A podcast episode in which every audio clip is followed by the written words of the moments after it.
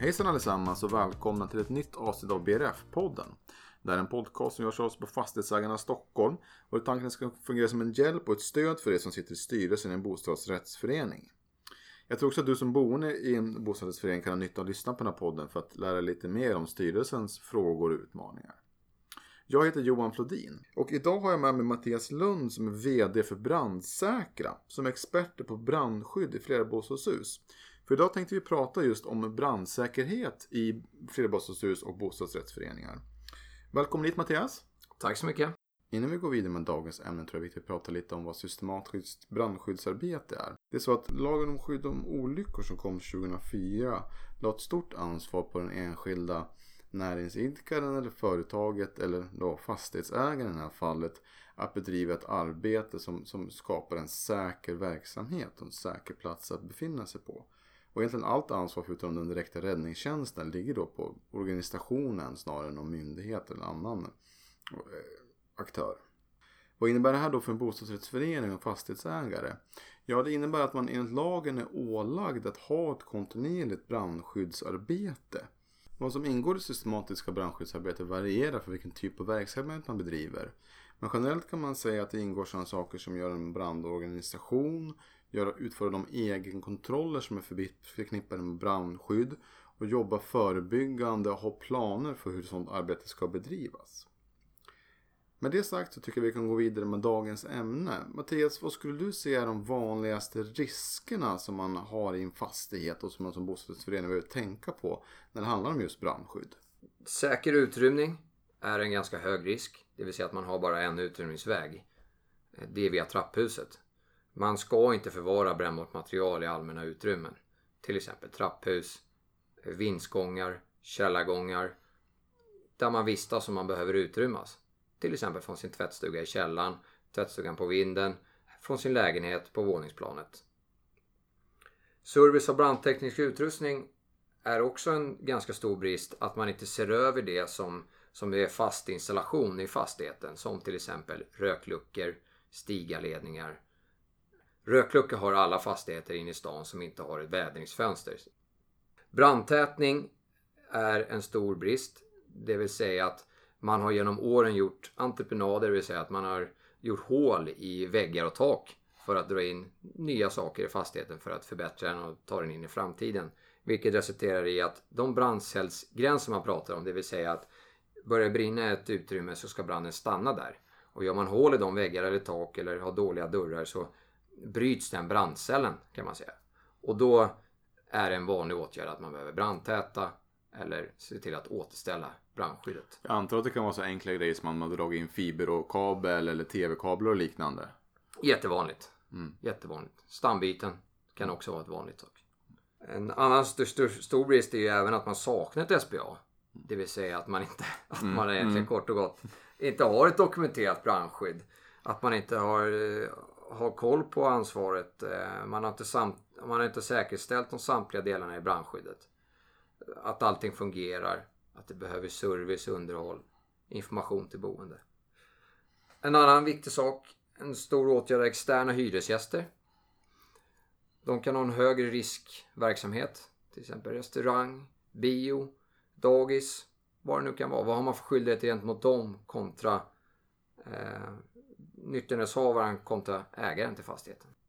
Är man som bostadsrättsförening bara ansvarig för de allmänna utrymmena i fastigheten eller är man ansvarig för brandskyddet i hela fastigheten?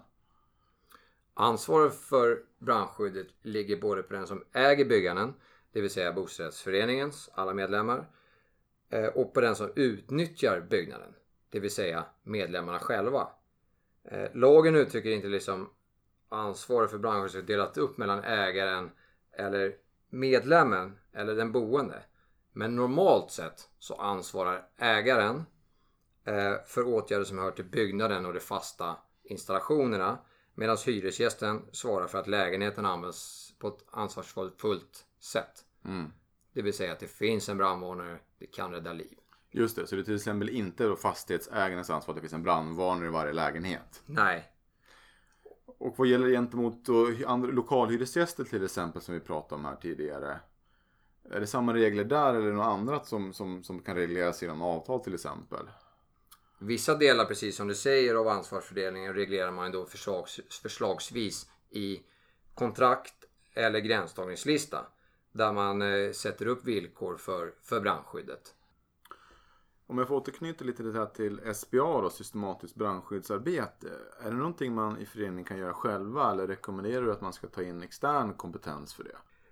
Mycket när det gäller förebyggande åtgärder eh, som man faktiskt pratar om som ska skapa trygghet för de boende i föreningen kan man göra själv.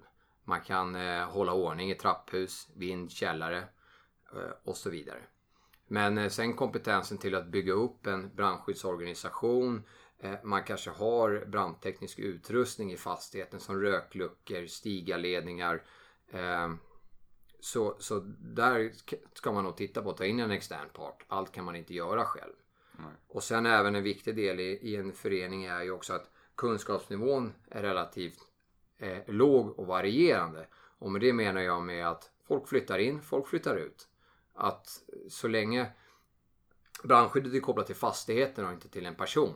Så man vill att brandskydden och den investeringen man gör och den energi man lägger ner förblir och stannar. Mm. Och där är det bra med extern part. Ja, du menar att man blir mindre personberoende helt enkelt om, om man använder en extern part än, än att styrelsen själva utför det? Ja. Absolut.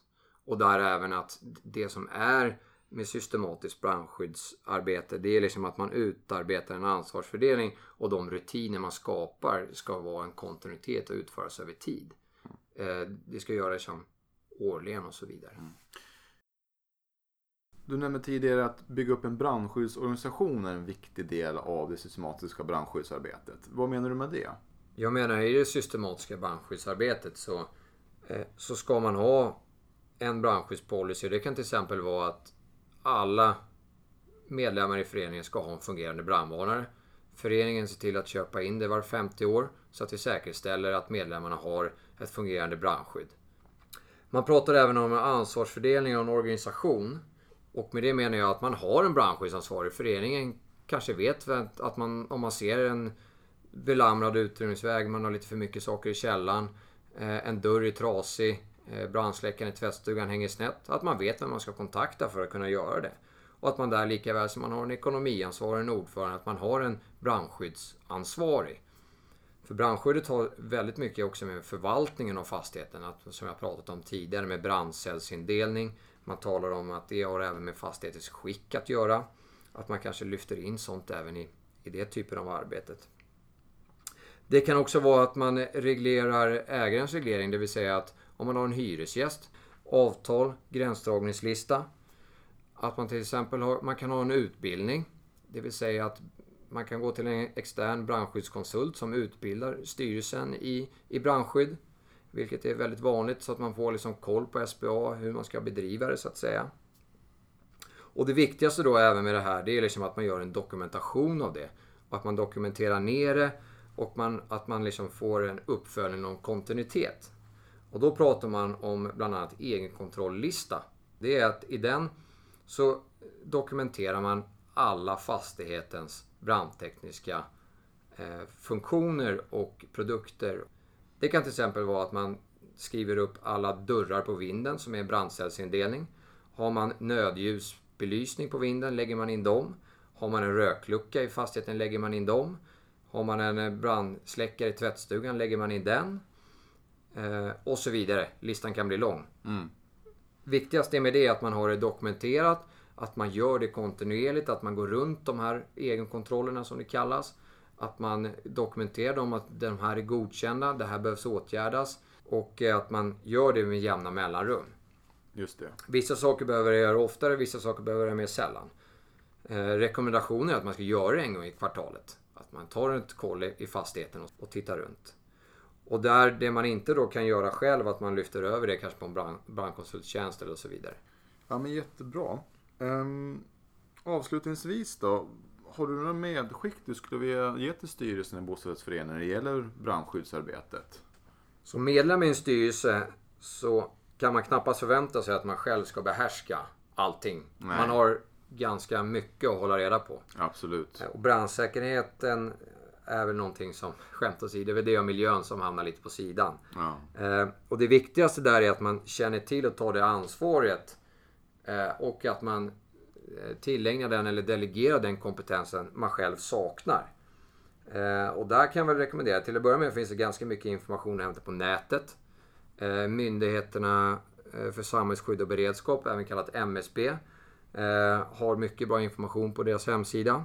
Eh, det ger en god bakgrund till ämnet. Det betonar ansvarsfördelningen, förklarar regelverk eh, samt redovisar hur systematiska brandskyddsarbetet går till och hur det ska dokumenteras. Ja men jättebra Mattias. Tack så mycket för att du tog dig tid att komma hit.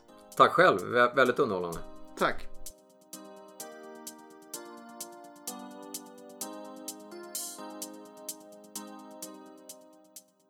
Ni har precis hört avsnitt av BRF-podden.